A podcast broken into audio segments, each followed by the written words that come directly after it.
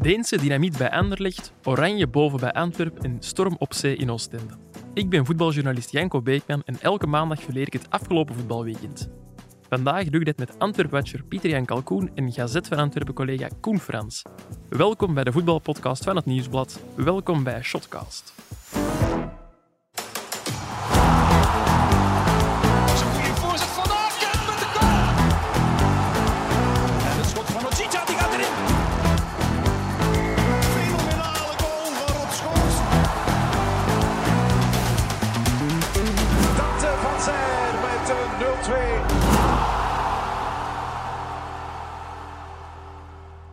Dag Pieter-Jan, dag Koen.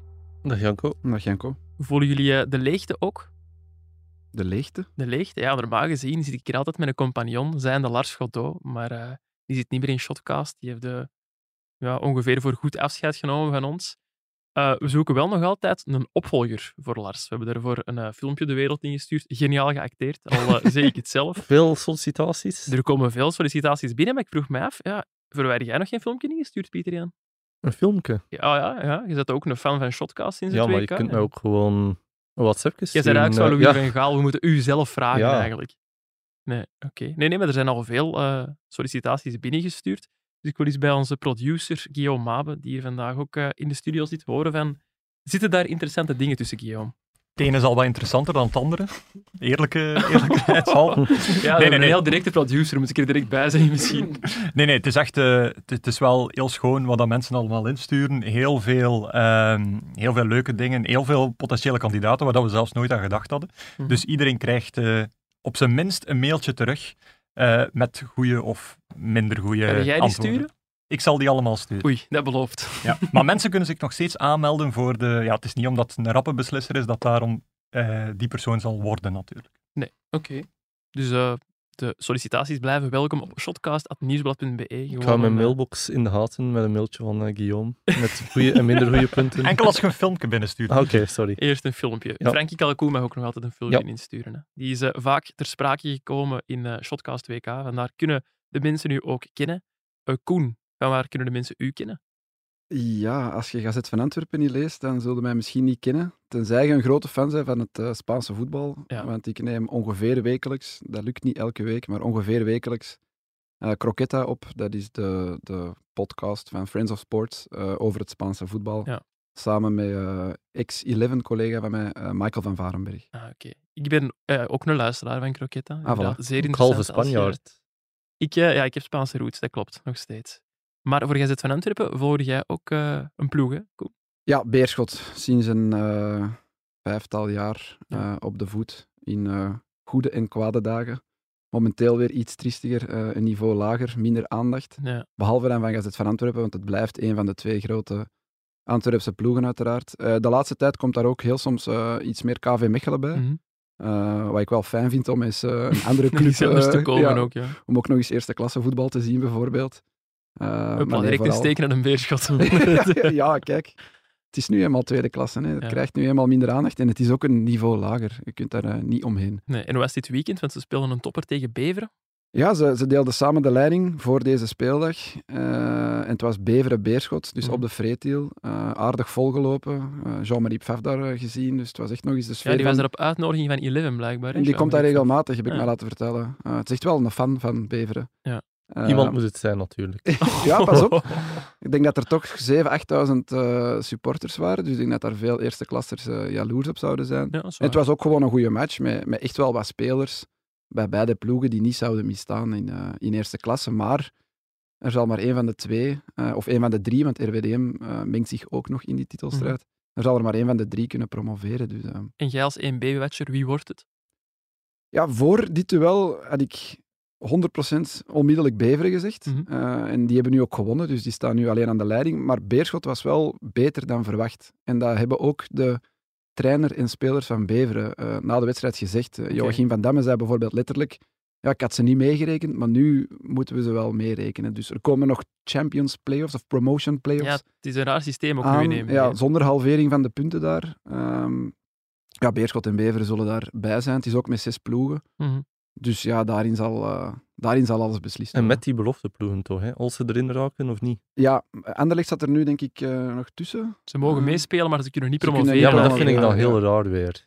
Dat is ja, een Goh, ja, dat is logisch, eigenlijk. Want waarvoor spelen ze dan? En ze spelen wel voor het lot van die ja, andere ja, dat is ploegen. waar. Dus in zekere zin vind ik dat een raar systeem, maar goed. Ja, het is, een, het is een heel raar systeem. En volgend jaar verandert het alweer, hè, want dan, dan komen er eh, drie eerste klassers bij en drie uit amateur ook. En zijn ze terug met 18. Mhm. En dan komt er een soort van kruis, kruisplayoffs met de derde laatste in 1A en zo. Ja, Dus dat is iets, een heel Je moet het weer helemaal Voor de gaan... eh, duidelijkheid. ja. ja. voor de duidelijkheid. Wisselen ze elk jaar van, eh, van Ja. format. Goed, als eh, Beerschot en Beveren nog meer aandacht willen, dan eh, zullen ze eerst moeten promoveren naar 1A, want daar gaan wij het nu over hebben. De ploeg van het weekend, dat was eh, toch Antwerp, dat met 4-1 won van Standaard. En nu wil het toeval dat wij bij ons onze Antwerp-patcher hebben zitten. Pieter Jan, Antwerp lijkt op eh, het juiste moment in topvorm te geraken. En dan met 12 spelers eigenlijk op dit moment. Mhm. Dus dat is best wel straf wat de Mark van Bommel daar aan het neerzetten is. Het voetbal draait goed, er is een duidelijke filosofie. Eh, het is ook wel mooi voetbal om naar te kijken. Mhm. Dus Ja, ik, ik las hier en daar vandaag eh, de best voetballende ploeg van België. Ja, vergeten we, Racing ging dat niet een beetje? Dat dit weekend niet speelde omdat hun eh, wedstrijd tegen Eupen werd uitgesteld? Ja, toch zeker bij de best voetballende Mhm. eh, ploegen. Maar ja, met die nuance, dus wat ik daarnet zei, ze moeten echt wel op voorsprong komen. Want ene keer Dat als ze ja, op als achterstand winnen, komen... zo, hè. Nee, ja, maar ik bedoel, als ze op achterstand komen, hebben ze heel weinig eh troeven op de bank zitten om het eventueel Ja. nog om te keren. Ook en dan door die vele blessures die ze hebben. moment. blessures, ja. En dus op dit moment speelt hij gewoon altijd met dezelfde ploeg. En dan maakt het dan wel moeilijk om iets recht te zetten als je bijvoorbeeld 1-0 achterkomt op Beveren. Dat kan nu niet, maar... Nee, nee. En die gooien dan alles dicht, dan wordt het wel moeilijk voor Antwerpen om dat om te keren. Ja, wat ik wel straf vind, is het feit dat Van Bommel de situatie heeft weten om te keren. Want Antwerp heeft wel een diepje gehad. Van Bommel heeft dat vroeger ook meegemaakt bij, bij Wolfsburg en Ja. PSV. Daar is het toen misgelopen voor hem. Hoe komt hij het nu wel heeft kunnen omdraaien? Ja, het voetbal is eigenlijk altijd goed gebleven. Ook in die mindere periode. Mhm. Wat maakte dat gewoon wachten was tot die punten weer zouden volgen. Hij is ook zelf rustig gebleven. Ik hoor ook wel uit zijn omgeving dat hij iets rustiger geworden is, wat lessen getrokken heeft uit het verleden. Dus hij is niet plots gekke dingen gaan doen of zo. En eh, dat heeft dan geloond, want het was inderdaad wachten op die punten gewoon, omdat het voetbal goed was. Mhm. En die zijn dan ook gekomen gewoon. Ik zeg nu, ze komen eh, op het juiste moment in topvorm, Antwerp. Zie jij ook echt een titelkandidaat in de Great Old? Ik denk met deze ploeg, met een nieuwe coach, met een, een ploeg in opbouw, als ze de top drie vasthouden, zal het al een succes zijn. Oeh, mij. Dat is, dat is vrij negatief eigenlijk. Ja, ik ja, zou het- nu niet graag Antwerp-supporter zijn en dat horen. Nee, maar ik schat eh, Union en Henk toch nog altijd hoger in. Ja. We mogen ook niet verwachten van pakweg Vermeeren dat hij de komende zes maanden gewoon eh, alles kapot blijft spelen zoals hij dat nu doet. Maar op die positie heb je nog wel alternatieven voor handen in de vorm van Yusuf. Ja, als ze terugkomen naar blessure. Maar Ja. er zijn ook geen signalen dat dat op korte termijn zal Nee. Gebeuren. Je zit ook met gewoon die smalle bank. Je zit met een ploeg die het niet gewend is om op dat niveau mee te draaien of in, op die plaats van het klassement. Dus ik denk eh, derde en bekers, daar tekent eh, Mark van Mommel direct voor. Een Ja. een vraagje als buitenstaander. Gaan ze er nog iets bij halen dan nu op het middenveld? Nee, het middenveld is zeker niet de bedoeling om iets bij te halen. Nee? Ja, daar heb je Yusuf wel natuurlijk. Ze zitten nu met de Girano Kerk, moeilijke naam voor een West-Vlaming. Ehm, Kerk, dat is toch gemakkelijk? Nee, Kerk is- of zo? Kerk is makkelijk, maar de voornaam bedoel ik. Ja. Dus eh, die komt eraan. Eh, althans, dat is de bedoeling. Eh huurovereenkomst tot het einde van het seizoen. En dan blijven ze uitkijken vooral naar versterking wel. En dan is het maar een beetje de vraag of dat ze achterin nog iets bijhalen. Want eigenlijk hebben ze op dit moment maar twee centrale verdedigers, Pacho en Alderweireld. Dat is weinig. Voor een, Dat is eh, weinig. En dan is het al Zeno van den Bosch eventueel, als je wil eh, wisselen. Is het ook ja, met de laat. eh, dus ik denk, een verdediger zou welkom zijn, maar het is helemaal niet zeker dat ze dat gaan doen. Nee, en die Kerk, daar is ook geen echte, echte diepe spits. Hè. Dat is eerder Nee. een flankspeler. Ja, daar is ook... maar die kan wel depaneren in de spits, eh, blijkbaar. Ja, dat zal nodig zijn wellicht, want volgend weekend speelt Antwerpen tegen Anderlecht. Maar Vincent Janssen, met zes goals in zes matchen, toch de man in vorm, die is er door een schorsing niet bij. Gaat En dan direct is gewoon spelen. Ja, Michael Vrij eh, die Ja. zit bij Schalke Die ondertussen. heeft het een beetje uitgehangen. Ja, lichtjes. Is dat niet spijtig? Ja, die kon zich gewoon niet verzoenen met een rol als invaller. Of...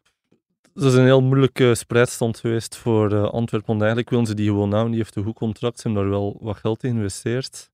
Maar die kon zich inderdaad niet verzoenen met minder minuten dan hij gehoopt had. En dan heeft hij enorm veel druk gezet om te kunnen vertrekken. Heeft Schalke uiteindelijk ook wel een deftige inspanning geleverd, waardoor het voor Antwerp aanvaardbaar was. Want anders denk ik dat hij gewoon uh, in een B-kern beland was. Mm. Hoe is het eigenlijk met Mark Overmars? Want ja, er is nog wel wat, wat werk voor Antwerp nu, maar vorige week raakte het nieuws bekend dat hij onherstelbare schade aan het hart heeft opgelopen. Kan die wel gewoon zijn, zijn job blijven doen? Hij was gisteren ook gewoon op de match. Ja. Uh, maar hij is niet elke dag op de bosuil. Nee. Maar dat moet ook niet je Dat moet niet, maar hij is elke, elke seconde van de dag bereikbaar. Dus alle beslissingen worden wel genomen in overleg met Mark Overmars. doen. Maar hij wordt nu bij die onderhandelingen, bij die afhandeling van die contracten nog iets meer dan anders bijstaan door Sven Jaap. Maar het is niet dat ze in een soort vacuüm of zo Nee, nee, nee. zijn terechtgekomen. Die, die club wordt wel gewoon deftig geleid. Voor Sven Jaak zijn het ook wel drukke dagen. Ja. Die zit ook in de taskforce van eh, de Belgische Voetbalbond, die op zoek is naar een nieuwe bondscoach. Ik heb daar gisteren trouwens een interview over, zag ik. Hè? Eh, Bij Ik de zag het op collega's van eh, Eleven. 11, ja. Was- Wie staat te vertellen dat Louis van Gaal het zeker niet wordt? Dat betreuren wij, Dat Janko. vind ik zeer jammer, ja. Goed, van eh Antwerp naar Anderlecht, een ploeg die Pieter Jan ook nog steeds op de voet volgt, want dat is de ploeg waarvan dat jij vroeger watcher waart. Parsuit pakte een broodnodige 0-1 zege tegen Serij, maar naast het veld rommelt het wel, eh, wel nog steeds, mag ik wel zeggen, bij Anderlecht. Ex-CEO Peter Verbeke, die ja, mag, slash moet vertrekken bij Anderlecht. Is dat een beslissing die we begrijpen? Goh, ik heb daar veel minder zicht op dan, dan Pieter Jan, maar als buitenstaander is Mhm. dat echt wel aan een duiventil zonder... Dat is wat standaard vroeger vaak was, maar je verwacht dat niet van een instituut als Anderlecht, dat daar Nee. elke x aantal maanden een, een, een persoon in toch een belangrijke functie ja, gewoon aan de kant wordt geschoven en weer wordt vervangen door iemand nieuw. Eh, nu is daar die Deense, eh, allee, die Deense mannen die de macht grijpen. Ja, maar ja, wie zegt wat, wat het binnen zes maanden weer gaat zijn? Ja. Ik denk dat dat heel moeilijk werken is eh, in een club die dat voortdurend de, mensen die de beslissingen nemen opzij schuift en dan weer vervangt door anderen. Mm. Ik vraag me ook af in hoeverre dat je dan het gevoel hebt dat je, dat je beslissingsrecht of macht hebt. Je weet dat je vervangbaar bent en dat er al mensen voor u zijn geweest Mhm. in een gelijkaardige functie die gewoon zonder boe of ba Opzij zijn geschoven. opzij zijn geschoven. Dus Pieter Jan zal er misschien meer over kunnen vertellen, maar het is echt heel onduidelijk voor mensen die daar iets verder van staan, om dat nog allemaal te kunnen volgen. Ik vind het vooral zeer opmerkelijk dat die Fredberg nu alle macht krijgt. Maar is het echt de beslissing van Fredberg? Of heeft Ja, het is van echt de beslissing van nee. Fredberg. Want als het aan Wouter van den Hout had gelegen, er zijn verschillende gesprekken geweest tussen Van den Hout en Verbeek. Die Van den Hout ging bij wijze van spreken postjes uitvinden om Verbeek aan boord te houden. Maar ja, bon, die Van den Hout is dan veranderd van eh, uitvoerend voorzitter naar niet-uitvoerend Mm. voorzitter. Nog zoiets. Die heeft Ja. dan alle macht bij Fredberg gelegd. En die heeft dan donderdag in een gesprek met eh Verbeek gezegd dat hij geen opties meer voor hem ziet. En dat het dus de facto ophoudt. Maar is dat dan ook omdat hij misschien bang is dat, dat Verbeke als een soort stiefmoeder over zijn Ja, schouder de bedoeling was eigenlijk dat? Fredberg de assistent van Verbeek ging worden. Ja. Ironisch genoeg. Ja. En nu is het dus Fredberg die Verbeek eh, bedankt eigenlijk. En ik zag in een commentaar dit weekend bij ons op de website dat jij dat ook geen supergoed idee vindt. Nee, ik denk gewoon in de positie waar ze nu zitten, met mannen aan het roer die niet eens Belgisch voetbal kennen, die niet eens Anderlecht kennen, bij wijze Mhm. van spreken. Fredberg en Riemer. Dat was misschien wel interessant geweest om iemand aan boord te houden die tenminste de gevoeligheden kent, die de club kent, die de transferdossiers kent, die de spelers kent. Mhm.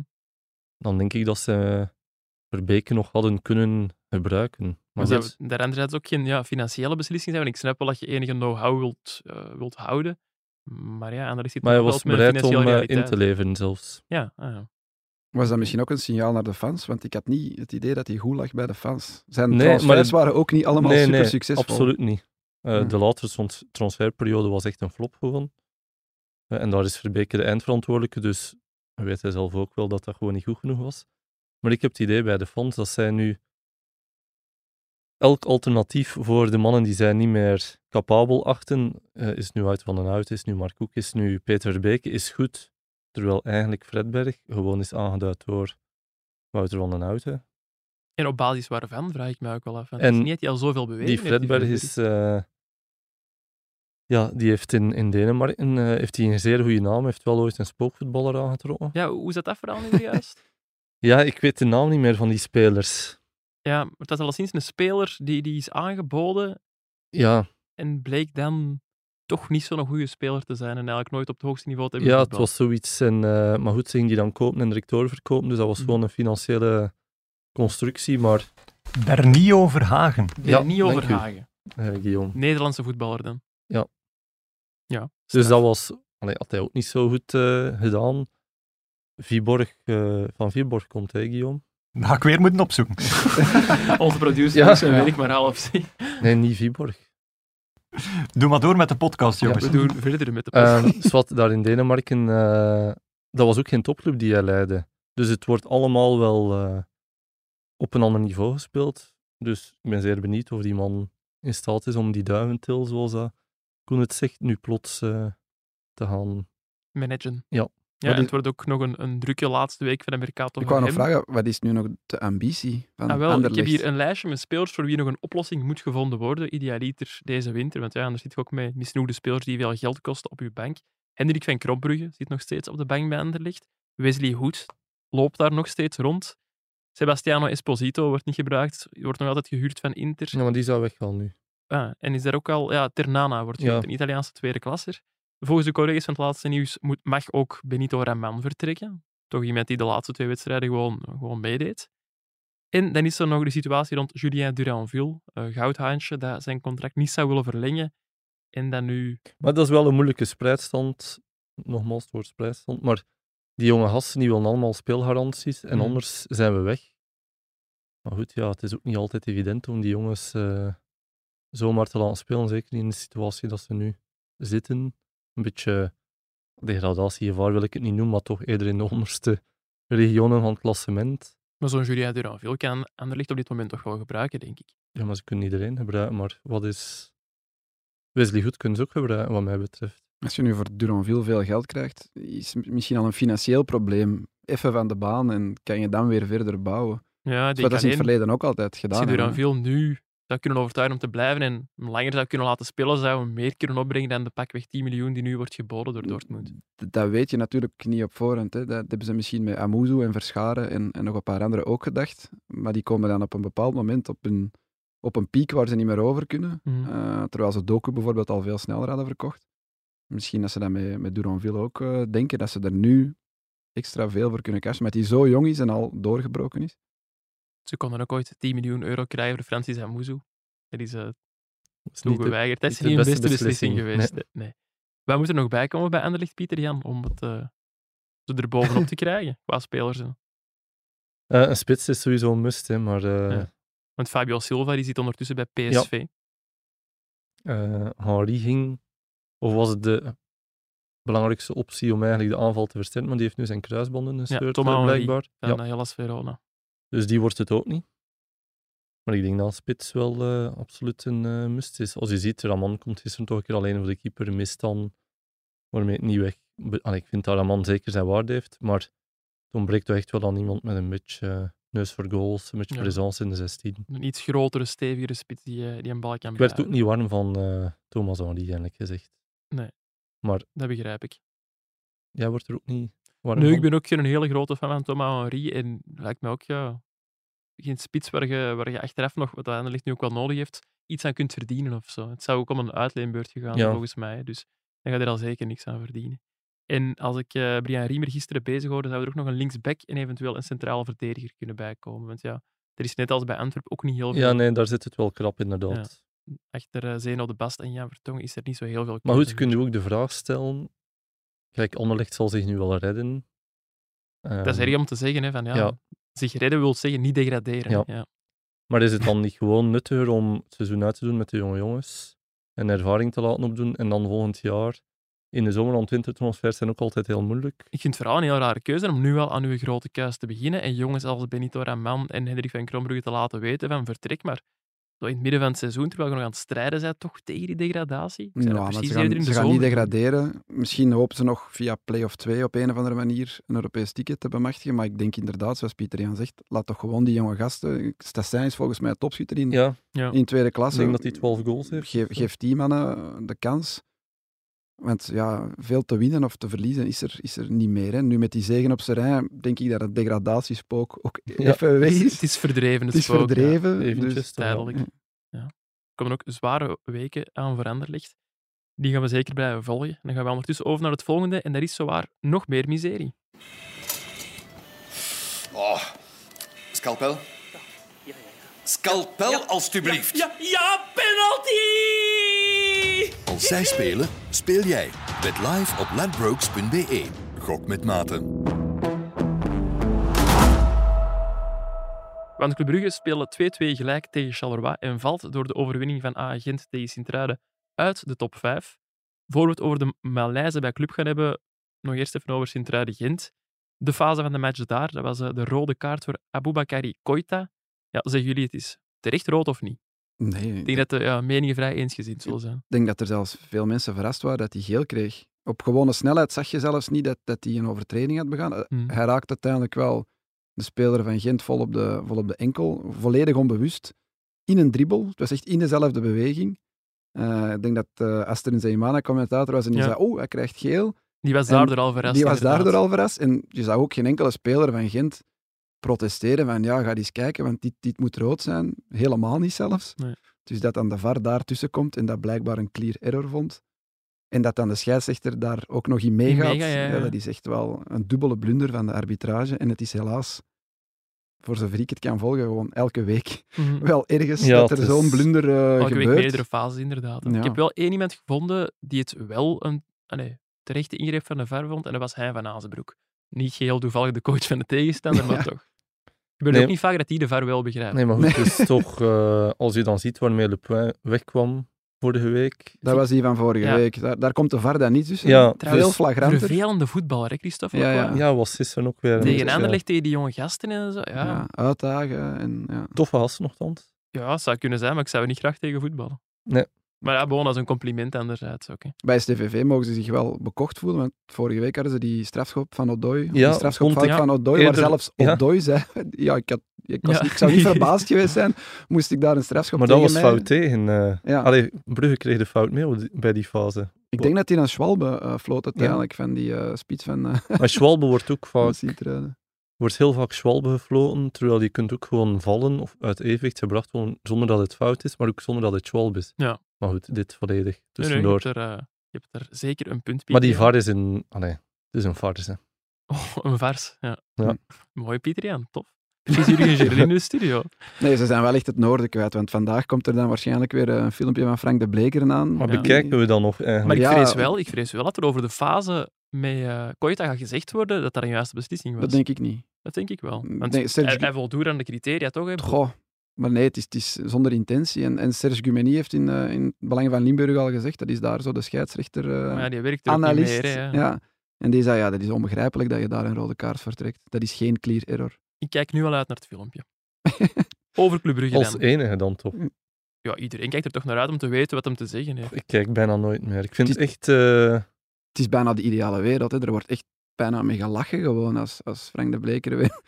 Met alle respect voor Frank de Bleker en, en, en het arbitragekorps, maar als je elke week zo'n blunder gaat moeten... recht praten. Ja, Moeten ze Dat niet niet meer doen? Zou dat dan beter zijn?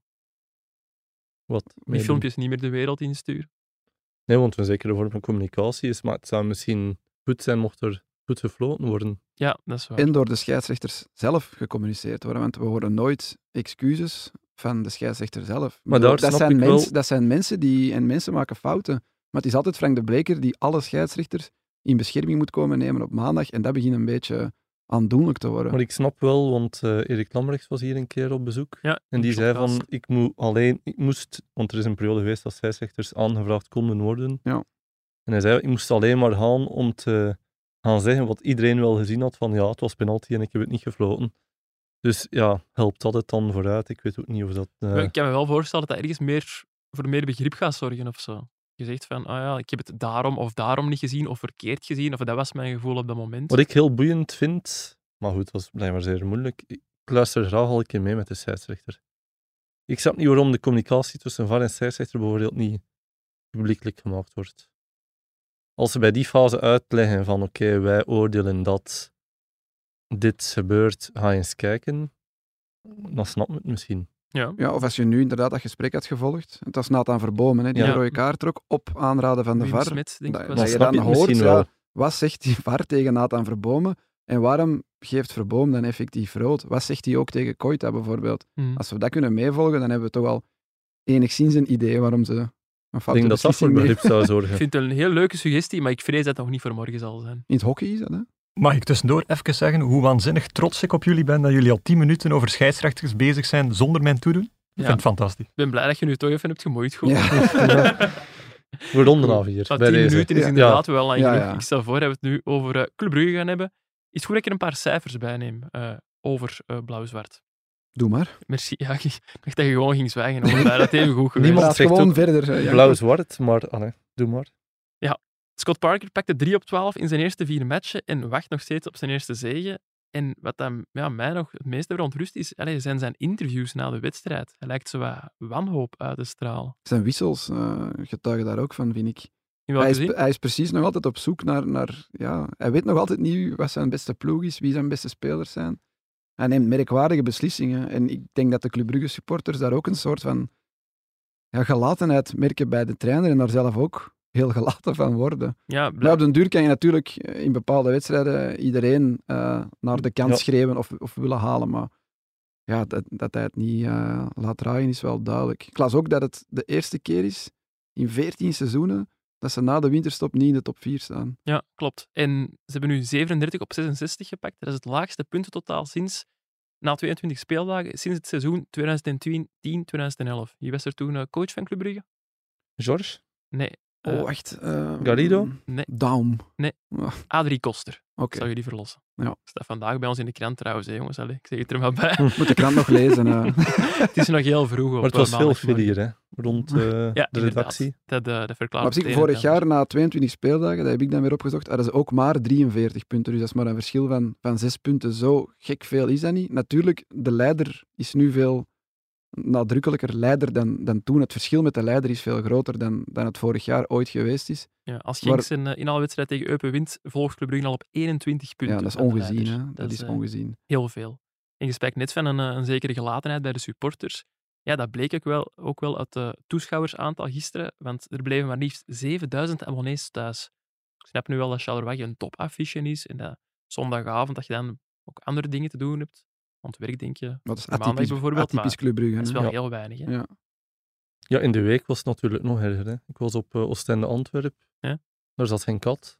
Nee? En dat was om half zeven met Ja. die boycott. Ja. Ik vind echt, eh, daar moet de Pro League toch een keer iets aan doen. Want Dus we moeten een mail sturen naar het referee department, naar de Pro League. We gaan veel We zijn geen vrienden aan het maken bij nee, de Pro nee, maar goed, het is toch waanzin. Nee, nee, Om absurd, 6 hè. uur 30 in Oostende, als je werkt tot 5 uur, is het al zeer moeilijk om er gewoon op tijd te gaan. Laat Ja, je hebt als je, dat je daar moest gaan werken nog. laat staan als je Antwerp supporter bent. Ja. Dus ik snap wel dat ze die boycott gedaan hebben, maar ik denk toch dat voor het product Belgisch voetbal beter zou zijn als eh, de stadions een beetje vol zaten. Ja, absoluut. Ja, je vraagt je af waarom ze die matchen ook spreiden op zo'n midweekspeel. ik denk dat dat voor tv is. Toch? Ja, om, om, ja, apart, ja, maar gaan die Antwerp supporters nu echt om negen uur dan nog naar een volgende wedstrijd uit de Super Pro League kijken? En vice versa?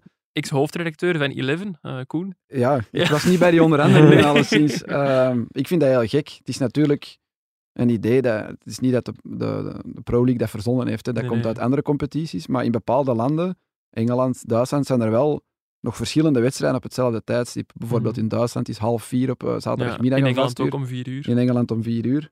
Eh, drie uur bij ons dan, denk Mhm, ik. ja. Ehm, maar bij ons is echt gewoon bijna elke wedstrijd is een apart tijdsblok. En dat is echt gek, want ja, de, de Club Brugge supporter of de Anderlecht supporter gaat niet wakker liggen van Eupen Serijn. Dus waarom moet die wedstrijd per se op een apart tijdsblok nog gespeeld worden? En dat is met die midweekspeeldagen nog veel erger. Ja, tuurlijk. Eh, laat die matchen dan gewoon dinsdag, woensdag, donderdag. Dan kan je al wat spreiden op met die dagen. Maar laat ze dan wel allemaal gewoon om negen uur beginnen. Zodat een supporter van Antwerpen de kans heeft om in Oostende Ja, te geraken na zijn uur eh, eventueel. Dat je ook niet te laat thuis bent. Nee, nee, het is, daar moet je ook aan denken. Hè. Dat de kindjes nog mee kunnen en zo. Maar ik neem het mee in eh, mijn mail naar de Pro League. Maar het is ook, mail. het, eh, door die spreiding van al die matchen, ik denk ook dat je echt waar minder vol krijgt bij provinciaal voetbal en zo. Er is gewoon permanent voetbal op tv. ja, dat is waar. En je Of- kunt gewoon niet alles gezien Nee. hebben. Hè. Nee. Dus Maar ze doen het zelfs in tweede klasse. Hè? Dat je afvraagt, ja, waarom, waarom moeten ook die matchen nog eens eh, op apart? Ja, naar die kijkcijfer ben ik heel benieuwd. Ja, dat, dat moet ongelooflijk triestig zijn, denk ik. Zeker als, als er twee belofteploegen tegen elkaar spelen. Wa- waarom gehoord- ga je die match dan nog op een apart tijdsblok inplannen? Ja, ik heb al gehoord dat er blijkbaar, jij zult dat beter weten, Koen, soms naar beneden wordt afgerond en dat er daardoor... Nee, er zijn nulmetingen Ja, in de simcijfers. Wat, wat logisch is. eh, want ik denk dat dat bij een 1000, 1500 tal gezinnen hangt er zo'n bakje dat meet naar, wat, naar wat, allee, welke zender ben je aan het kijken. bent dan zelden jong standaard tegen jong Genk Ja, dat, dat- als dat dan bij niemand van die, van die simmeting opstaat, dan, dan wordt dat een nulmeting. En zo zijn er volgens mij wedstrijden, eh, niet alleen in 1B, maar ook in 1A, die, die gewoon nulmetingen krijgen. Dat doet mij denken aan een leuke anecdote. Ja, toen ik nog bij het ja, daarvoor laatste- zitten we hier. Kom. Toen ik nog bij het laatste nieuws werkte, was er ooit een eh, prijskamp om tickets te winnen voor de volleybalfinale. Oeh. En je moest een juist antwoord geven en dan hoeveel juiste en- antwoorden zouden we binnenkrijgen. En iemand had nul ingevuld en die zat er het dichtste bij. dus vond ik wel... Is dat nu een dis naar het volleybal hier? Nee, Nee, nee, nee. Volleybal, durven. prachtige sport. Nee, Wordt nee. ook met de voeten gespeeld trouwens. Goed. Dat mag, hè? Genoeg Ja, dat over mag. volleybal, kijkcijfers en de Pro League. Nog even over Club Brugge. Ehm, wat ik heel vaak hoor en lees, is dat het een eh, mentaliteitsprobleem is bij Club. Zijn jullie het daarmee eens? In, in welke zin? Dat die spelers Dat er wel genoeg kwaliteit is, maar dat er te weinig drive is, te weinig goesting Is bij dat verzadiging? Hoeveel van die spelers hebben al twee, drie titels gewonnen? Goh, Of toch kan niet, dat toch niet zo heel veel. Nee, er want is je hebt nog daar wel toch een met een. Buchanan, Skof Olsen, Onyedika. Ja, dat zou wel moeten meevallen, volgens mij. Ja. Hebben jullie dat gevoel als je naar Club Brugge kijkt? Ik had niet per se het idee dat het eh, een mentaliteitsprobleem is, nee. Moeten we dan eerder naar, naar de Nee, kern ik denk kijken? gewoon dat is, het, dat het eh, vorm is. En een dip uiteindelijk, hij wint al zes matchen niet meer, of hoeveel hebben ze er niet gewonnen? Zeven, denk ik zelfs. Zeven op rij nu. Ja. ja. Dan, ja, dan slaan de twijfels toe. Hè. Maar het is wel gek dat dezelfde kern eh, vijf keer de nul kan houden in de Champions League, 4-0 kan winnen in Porto, Atletico Madrid kan kloppen, maar dan wel zeven matchen op rij nu niet kan winnen. Dat zijn toch ongeveer dezelfde spelers. Dan kan je wel zeggen, ja, ligt dat dan aan de mentaliteit dat ze zich voor die topmatch in de Champions League wel kunnen opladen en voor die mindere wedstrijd thuis tegen Charleroi, waar dan nog duizenden supporters eh, voor thuis blijven, niet. Ja, is toch niet omdat je tegen die ploeg in de Champions League op een heel andere manier kunt gaan spelen? Dat Ja, misschien kijken we daar ook... Ja, Dat club het spel gaat maken en zo? Ik vond ze bijvoorbeeld tegen Anderlecht, ik heb die match volledig gezien, Ja. moeten ze altijd 4-0 winnen. Ja, Ja. daar zit iets in. Maar het feit dat ze zo makkelijk doelpunten weggeven Ja, tegen dat is ook wel zelfs heel ongelukkig. Ja. zelfs Charleroi. dat Die twee ongoals in de voorbije thuismatchen, dat is wel heel ongelukkig. Dat is, dat is ook gewoon die fase waar ze nu in zitten. Als het, ja, alles zit ook gewoon tegen dat tegen kan zitten, Maar denk tegen ik. de, de eerste helft tegen Charleroi waren ze ook gewoon slecht. Hè. Ja, ze wordt absoluut. weggespeeld door. Charleroi in eigen Maar ze zullen nog slechte matchen gespeeld hebben in het verleden, ook in de jaren dat ze kampioen werden, maar dan wel winnen. Omdat die bepaalde fases dan wel eh, meezitten en nu valt dat allemaal tegen. Het, is, het is denk ik een combinatie van al die factoren dat maakt dat ze nu ja, niet, niet meer als titelkandidaat eh, gezien worden door velen. Door ik blijf, ja, ik, je zei net 21 punten hè, als Ja. Genk de inhaalmatch wint. Ja, dat is, Dan worden er dan tien in de 10, play-offs. 10 en half. Als ze die halen, want ze staan toch maar vijf. ja, voorlopig staan ze zelfs niet op een play-off één plaats. Ja, in België weet je nooit. ehm, maar dit is wel heel veel. Ik geloof nee. Als Genk geen inzinking kent, halen ze die nooit meer terug. De andere ploegen, misschien dat ze nog die tweede plaats wel kunnen halen. Maar Genk in principe dat niet voor Club Brugge nu weg. Nu, Ja. het is erg om te zeggen, maar als er één jaar is waar je geen kampioen moet worden, is dit jaar wel. Hè. Er is geen rechtstreeks Champions League ticket. Ja, Dus als je dan toch een keer een jaar overslaat, Dus wel getimed van Club Brugge, wil je Ja, zeggen. dan- ik denk Dan dat er liever- een achter zit. dan eigenlijk. liever dit Ja, jaar dan volgend Een jaar. masterplan van Verhagen en Manhout om dit jaar even Champions League te rateren. Even, Ja, dat is eh, heel positief gedraaid. Ik ga eh, aan de ik, hè. kust blijven trouwens, want eh KV Oostende verloor dit weekend met 1-2 van Cercle Brugge. Staan nog steeds 17e, maar volgt nu wel op drie punten van nummer 15 Eupen, dat dan nog een inhaalmatch tegen Genk te goed heeft. hopeloze ploeg. is wel in vorm. Ik wou Oh. net zeggen, van, ik heb eens bij onze KV Oostende-watcher Junior Verbeke gepost, maar Pieter Jan, zeg jij maar eerst wat je ervan vindt. Nee, ik, vond, eh, ik vind het echt... Ik was dus deze week in Oostende en ik zag een foto van de kampioenenploeg in tweede klasse 2012, 2013, denk ik. Ik moest al heel hard mijn best doen om die jongens te herkennen. Dat was Louis Saint, dat soort jongens. Mhm. En do- toen zei ik tegen eh, mijn collega van, kijk, bekijk het wedstrijdblad vandaag. Wie van deze jongens ken je binnen tien jaar nog? Geen één. Pierre de Bomo. Ja, Pierre Duomo misschien. maar voor de rest, echt verschrikkelijk. Ja. Eh, een zootje ongeregeld eh, bij elkaar, allemaal buitenlanders. Niets verbinding met Oostende, denk ik. Nee. En ze spelen dan ook nog gewoon heel slecht. Die coach Talhammer heeft echt de uitstraling van een, eh van Er een cactus of zoiets. eh. Licht Nee, maar die, die straalt echt niets uit. Niks Nee. charisma. Ehm, ik denk dat Yves van der Hagen dan nog een man was die een beetje vuur erin kon krijgen. En dan heb je toch iets, maar dit was echt... eh, Vogel Dus- voor de kat. ja, volgens mij wel, net als Serijn trouwens. Ja. Volgens mij zijn dat twee zekere degradanten. Alleen plaatsen 16 kan dat nog iets of wat spannend worden. Dat Oké. denk ik. Ik vond het een interessante toevoeging, maar ik wil toch nog eh, de mening van Junior ook even horen. Daar gaan we nu naar luisteren. Binnen de club rommelt het ook. De fans keren zich tegen de, de- tegen de coach, tegen Talamer. Die, willen, die, die zien hem liever gaan. Ze keren zich ook tegen CEO Gauthier Ganet, omdat eh, die volgens de fans ja, niet genoeg kwaliteit in de kern bracht. Nu, die kwaliteit in de kern die is inderdaad niet eh, voorhanden om zo'n zware degradatiestrijd te voeren. En dat merk je ook op het veld. Ehm, nu, de komende weken worden cruciaal om het behoud nog ergens te laten leven. Want als er nu dringend niet gewonnen wordt, dan, dan, dan zal iedereen massaal afhaken, zullen de spelers er ook niet meer in geloven. Maar wij vrezen het ergste dit jaar. En eh, wij vrezen dat, eh dat KV Oostende, dit KV Oostende zonder versterking, echt wel een vogel voor de kat is. Trouwens, eh, nog wel een goed verhaal over eh Talhammer. Ehm, blijkbaar was er ook een Oostenrijkse journalist op eh, de wedstrijd, omdat eh, ja, de, de coach van Cercle Brugge, dat is ook een Oostenrijker, Miron Muslic, dat is dan weer de, de ex-assistent van Talhammer bij Cercle Brugge. En die journalist had eh, blijkbaar voor elk van de twee coaches sachertorten meegebracht. Dus een soort, ja, wat is dat, Gebak, Oostenrijks ja. gebak. Maar eh Talhammer die zou geweigerd hebben om samen met Muslic op de foto te gaan. Slechte er, eh, verliezer. Ja, nee, blijkbaar had hem ook al na zijn eh, vertrek bij Cirkel laten weten dat Musilic ja, toch een beetje een potenzager was. En Ah, had er niet behoefte aan om eh, samen een stukje taart te eten. aan Ik de stel vast dat uh, Talhammer bij Oostende 0 op 18 heeft en dat Muslic intussen eh cirkelen naar veilige wateren geloosd heeft. Dus, eh, Maar dat is ook een betere ploeg, hè? dus je mag dat Ja, niet ja. vergelijken. Nee. maar Talhammer heeft ook al wel iets bewezen. Ja, maar bij Cirkelen was Ja. toch ook gaan met de pet op.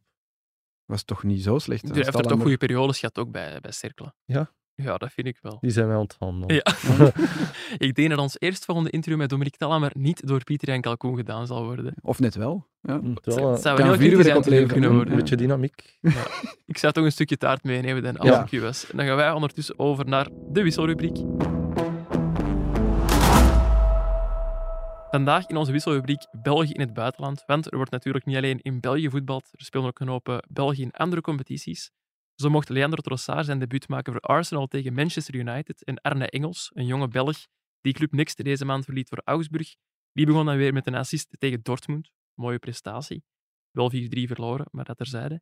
Wie straks mogelijk ook een eh, droomtransfer kan maken, dat is Yannick Carrasco, want die maakt deel uit van de deal die er is tussen eh, Barcelona en Atletico Madrid over Memphis Depay, die naar Madrid trok. Koen, jij bent een kenner van het Spaans voetbal, want jij hebt eh, een eigen voetbalpodcast over het Spaans voetbal. Dat wordt dan verwacht dat ik daar alles van Ja, weet. Ja. Die eh, deal van Carrasco, hoe zit hij nu eigenlijk precies in Ja, ik vind dat een heel opmerkelijke deal. Eh, ten eerste, ehm, eerst wou Atletico geen geld betalen voor Depay. Zijn Mhm. contract liep bij Barcelona ook af Ja. na dit seizoen. Dus ze dachten die gewoon gratis op te halen in, in Barcelona. Barcelona had zoiets van, ja nee, die ligt nog een half jaar onder contract. We willen daar wel iets voor. Ja. Dan zijn ze allerhande spelers beginnen zoeken, ook bij, in de kern van Atletico, die ze misschien in een Wie zouden we kunnen gebruiken? Ja, wie zouden wij kunnen gebruiken? Eh, en uiteindelijk is daar Carrasco eh, mee onderhandeld. Dus het is 3 miljoen euro plus 1 miljoen aan variabelen voor de onmiddellijke transfer van Depay. En dan een voorverkooprecht eh, voor Carrasco van 20 miljoen blijkbaar. Ehm, maar ik vraag me af of, dat ze, dat gaan, of dat ze daar gebruik van gaan maken. Ehm, ik, ik zie niet echt in hoe op dit moment Carrasco een toegevoegde waarde kan zijn eh, voor Barcelona. Is dat zelfs nauwelijks voor Atletico Madrid. Een soort Ehm, supersub of zo dan bij Barcelona. Een zelfs, zijn? Het is daar. wel een dure supersub dan. Ja, dat, dat denk, Ja, het is niet eens in het geld zwemmen ook niet. nee, natuurlijk. voilà. 20 miljoen euro is op dit moment voor Barcelona wel veel geld. Ehm, ze hebben wel nog dure transfers gedaan, maar ze moeten ook zware contracten lozen om altijd maar financieel eh, gezond te kunnen blijven. Ja. Waar zelfs nog altijd veel vraagtekens dan bij, bij gesteld worden. Dus om daar dan Carrasco aan toe te voegen. De Pai zat ook gewoon vaak niet in de selectie. Dus als je die dan één op één zou ruilen nu met Carrasco, ja, die zou ook gewoon vaak naast de selectie vallen. Je ziet daarmee Ansu Fati, Ferran Torres, Rafinha. Allemaal spelers die ik hoger inschat dan Carrasco, met alle respect. En die geraken ook niet in de basisploeg eh, op dit moment bij Barcelona. Dus ik, ik denk niet dat... Ik heb gelezen dat Carrasco heel graag naar Barcelona wil. Ik snap ik dat. begrijp, ja. Ik ben, een, ik ben een grote Barcelona-fan, dus ja, ik, ik, ik snap dat. En hij zal misschien na al die jaren onder Simeone bij Atletico wel eens andere lucht willen opsnuiven. Hard Maar ik- trainen volgens mij bij Ik Simeone. zie, het niet, eh, ik zie het niet gebeuren. En als het gebeurt, is het in mijn ogen een transfer die gedoemd is om eh, te mislukken. Goh, zoveel positiviteit in één Ja, aflevering. maar Het is wel een heldere uitleg. Ja, het is heel duidelijk. We zouden er iets mee moeten doen, een podcast Ah, over ja. het Spaans voetbal. Dat is een idee, dat is een idee. Pieter Jan, eh, je hebt vorige week gebeld met Pini Zahavi. Is Ja. hij nu de man die verantwoordelijk is voor deze deal? Hij is de man die het bedacht heeft. Die de ruildeal... Dus en hij is de makelaar van... als het ervan komt. Ja, hij is de makelaar van Carrasco en hij is heel... Hij houdt van prestigieuze deals. Mhm. Dus hij had een beetje het idee om die ruil te doen, maar, hij verkondigde het ook heel raar. Want hij heeft mijzelf teruggebeld, Oh. wat niet gebruikelijk is. Nee, ik wou net zeggen, want je zegt nu prestigieuze deals en zo, maar ook wel een prestigieus interview. Want Maar hij kent spreekt Pini Zahavi. Hij kent mij. Van waar? Van, van Shotcast. Ehm, nee, vroeger heeft hij nog in Moeskroen wat de tentakels gehad. Toen ik als beginnend journalist ook. Tentakels had hij met Moeskroen? Of Nee, ik heb nog een, een tijd op Moeskroen gezeten. Ah, Watcher van Moeskroen. Watcher Ja. van Moeskroen, ja. Die hebben wij nu niet mee, denk ik. Nee. Misschien, ja. Iets voor u. En, eh, en toen eh, de transfer van Mitrovic naar Newcastle. Fulham. Ja, Newcastle eerst, denk ik, Newcastle? Ja. Toen eh, was hij ook de makelaar, heeft hij mij ook geholpen. Ja. Want ik stuurde hem dit weekend nog een bericht voor eh, Victor Fischer, Mhm. die bij hem zou zitten. En hij zei van, hij zit niet meer bij ons. Dus hij antwoordt ook wel gewoon als je een WhatsAppje stuurt. Het gekke aan die deal met Carrasco was ook dat in het officiële communiqué van Barcelona dat heel duidelijk vermeld stond. We hebben een voorverkooprecht eh voor Yannick Carrasco in ja, de deal onderhandeld. En en op de website van Atletico Madrid, hetzelfde bericht, dus dat ze Depay aantrekt, niks. Dat stond daar gewoon niet vermeld. Dus die hebben dat weggelaten uit hun officiële communicatie. En Barcelona heeft dat nadrukkelijk mee in die officiële communicatie Maar goed, Maar gestoken. ja, dat begrijp ik wel. Want ja, voor Barcelona zou het een goede zaak kunnen zijn. Voor Atletico niet. Want ja, maar Pini een is ook de makelaar van eh, Lewandowski. Ah, ja. Dus ik denk dat Pini nogal een serieuze voet binnen heeft in Barcelona. Ja, we ook Pini zeggen, dat is toch geweldig? Pini, de huismakelaar van Barcelona en de vriend van Pieter Jan Een Kalkoen. slechte naam, hè, Pini. Pini, ja. Eh Pieter Jan, Zwart. transfers zijn uw ding wel. Ehm, allee, ik bedoel dan om erover te berichten, niet per se om er eh, zelf te doen. Ehm, nog nieuws op komst of zo? Bondscoach, technisch directeur? Nee, bondscoach wordt wel verwacht dat er tegen eind deze week, Wie er ook is? daar hopen ze een beetje op, ja. Oké, daar, eh, dan hopen wij mee. En dan kunnen we Wie, dat... wie eh, zijn eigenlijk de voornaamste kandidaten? Ja, er wordt echt angstvallig over gezwegen. Zelfs jij weet het niet. Nee, En het wordt niet Louis van Gaal. Dat is het wordt niet Louis van Gaal, dat heeft Is Thierry Henry nog een kans hebben, of is hij ook al... eh, Kruisbanden gescheurd. Nee, is niet waar. Tom Henry. Eh, nee, de spelers willen die heel graag, hè, maar ik denk eh, als uh, Thierry Henry pakken, dat echt wel in combinatie moet zijn met iemand, eh, een ervaren technisch directeur. ja, ja. Want ze gaan niet de sleutels van de bond eh, in handen van Thierry Henry leggen. Dat is Nee, oké, dat is goed. En dan hoop ik dat er tegen het einde van deze week witte rook is en dat wij volgende maandag kunnen bespreken wie de nieuwe bondscoach is geworden. En dan gaan wij ondertussen over naar onze afsluiter. Mannen, wat gaan jullie eh, deze week nog allemaal doen? Dat is een moeilijke vraag. veel enthousiasme. Ehm, wij gaan naar eh, de Houdenshoen. Wij, jij en Koen samen? Nee, of? jij en ik Ah, ja. samen. Ja, ik ga inderdaad ook naar het eh, gala van de Gouden Schoen. Voor mij mijn ontmaagding trouwens. Ik ben nog nooit op het gala van de Gouden Schoen geweest. Dat gaat tegenvallen. Ja? Ja. Ja. Oh, tof. Ik vond daar eigenlijk niks aan. Jij zit er wel al geweest. Ja, twee keer. En dat is niet mijn ding. Ik ben al tien keer Omdat er geweest te of veel En glitter en glamour is? Of... Ja, dat is zo'n beetje ons kent ons en zo wat small talk links en rechts. En, En mogen als journalist ook echt naar het feestje en zo? Of hoe ja, Eh, ik heb dus zeer lang bij de organiserende Vroeger was dat wel alleszins. de maar- organiserende krant ja. gewerkt. En daar... eh, ik heb ook de, de fantastische jaren in het eh, casino van Oostende. was blijkbaar fenomenaal. Goede feestjes. Die heb ik niet meegemaakt. Ehm, Die en ook dan niet de dat je nog laatste... rap in Oostende moet komen, eerlijk gezegd. Nee, maar... maar Oostende is een zeer leuke stad. Ja, ja. Ehm, Je wordt daar gelyncht hè, als ze me komen. ja, ik ben er ook van de streek, dus misschien moeten we toch Ah, serieus? Kokzijde, hè? kokzijde. Ja. Ehm, nee, maar nu als journalist van een concurrerende krant denk ik niet dat dat een dat je daar uh, Hanse flessen champagne zult uh, neerdrinken. We moeten dan in een donker achterkamertje Je moet gewoon in de pershal zitten. Ja. En je doe je wel die kostuum aan voor het Ja, geval je dat je dan toch een deur vindt die uit heeft op de zaal. Maar de kans bestaat dat je Ik zie mezelf kostuum... de zaal Jij moet daar werken. Jij moet daar werken. Ja, ik ga voor shotcast, denk ik. Ja. Ah, ik dacht dat jij gewoon... Nee, nee, nee. Als- nee, nee, dat vraag ik me ook af. Bij de clubs en zo, mogen al die spelers meekomen? Of hoe werkt dat eigenlijk, Ik weet, eh, bij een, een kleine club hebben ze zes kaarten gekregen. Is die kleine club al stem? Nee, Nee. die, In- in die twee. Nee, nee, weet geen kaarten. Nee, de, de, zowel de persman van Beveren als die van Beerschot kwam daar gisteren bij mij, ik weet niet waarom bij mij, eh, over klagen van ja, nee, de, wij mogen niet naar de Gouden Schoen. Niemand kijkt naar ons. Nu, het kost wel een bom geld natuurlijk, zo'n feest. Ja, dat zal, dat zal wel. Dus ik denk wel dat ze een beetje proberen te snijden in eh eh, genodigden. Ja, ja, ja, ergens wel Ja. begrijpelijk. Shotcast kost ook veel geld. Het is dat, het is dat, absoluut. Dan moet de Pieter ook betalen. Hè. Eh, Hoe, ik het niet, waar. Eh, kleine pronostiek nog, wie wint hem? Simon Mignon, hè. Ja, Weet jij al On- meer, Pieter Jan? Nee, ik ben 100% zeker. ik denk met de, de grootste, Zonder meer voorsprong, te weten. grootste voorsprong op nummer 2 sinds mensenheugnis, lijkt Oké. mij. Wel jammer dat hem niet echt ja, feest gaat kunnen vieren, want zo goed gaat het niet bij Club Brugge. Ik denk als je de Houndsун wint, dat je toch wel eh, het recht hebt om een, eh een beschijnd feestje te vieren. Een heel vind- kleintje dan. Dat gun ik hem wel. Hij heeft, hij heeft ja, de, de twee momenten dat er gestemd moest worden, eh, ja, ik herinner het mij nog, want ik moest ook stemmen, was er gewoon geen discussie over wie op nummer 1 ging zetten. Dat was eind november en denk ergens in juni of eind mei. Ja, net voor Dat- het WK hebben ze het uitgestuurd. Dat was op eh, dat toen. moment gewoon, ja, die had net die fenomenale campagne in de Champions League eh, gehad en dan ehm, ja, De titel. bijna eigenhandig de titel eh, Mm. bezorgd voor Club Brugge. Dus dat is een no-brainer. De, de moeilijkste vraag is volgens mij wie gaat er op Tweede twee en op worden. drie staan. Ja, en hoe ver gaan die achter staan? Ik denk Tuma. Fok op. Ik denk dat Thuma als Tresor nummer en ook veel punten zal krijgen. Maar Tresor is op een half seizoen natuurlijk. Hè. Dus ik, ik heb vorig jaar in juni eh Tissoudali en Nielsen nog mee in de top 3 Mhm. gezet. En nu Tresor en Thuma. Dus ik verwacht... Nou, ik denk niet dat iedereen hetzelfde zal gestemd hebben als ik, maar ik verwacht wel die vier namen ergens in de top eh 10.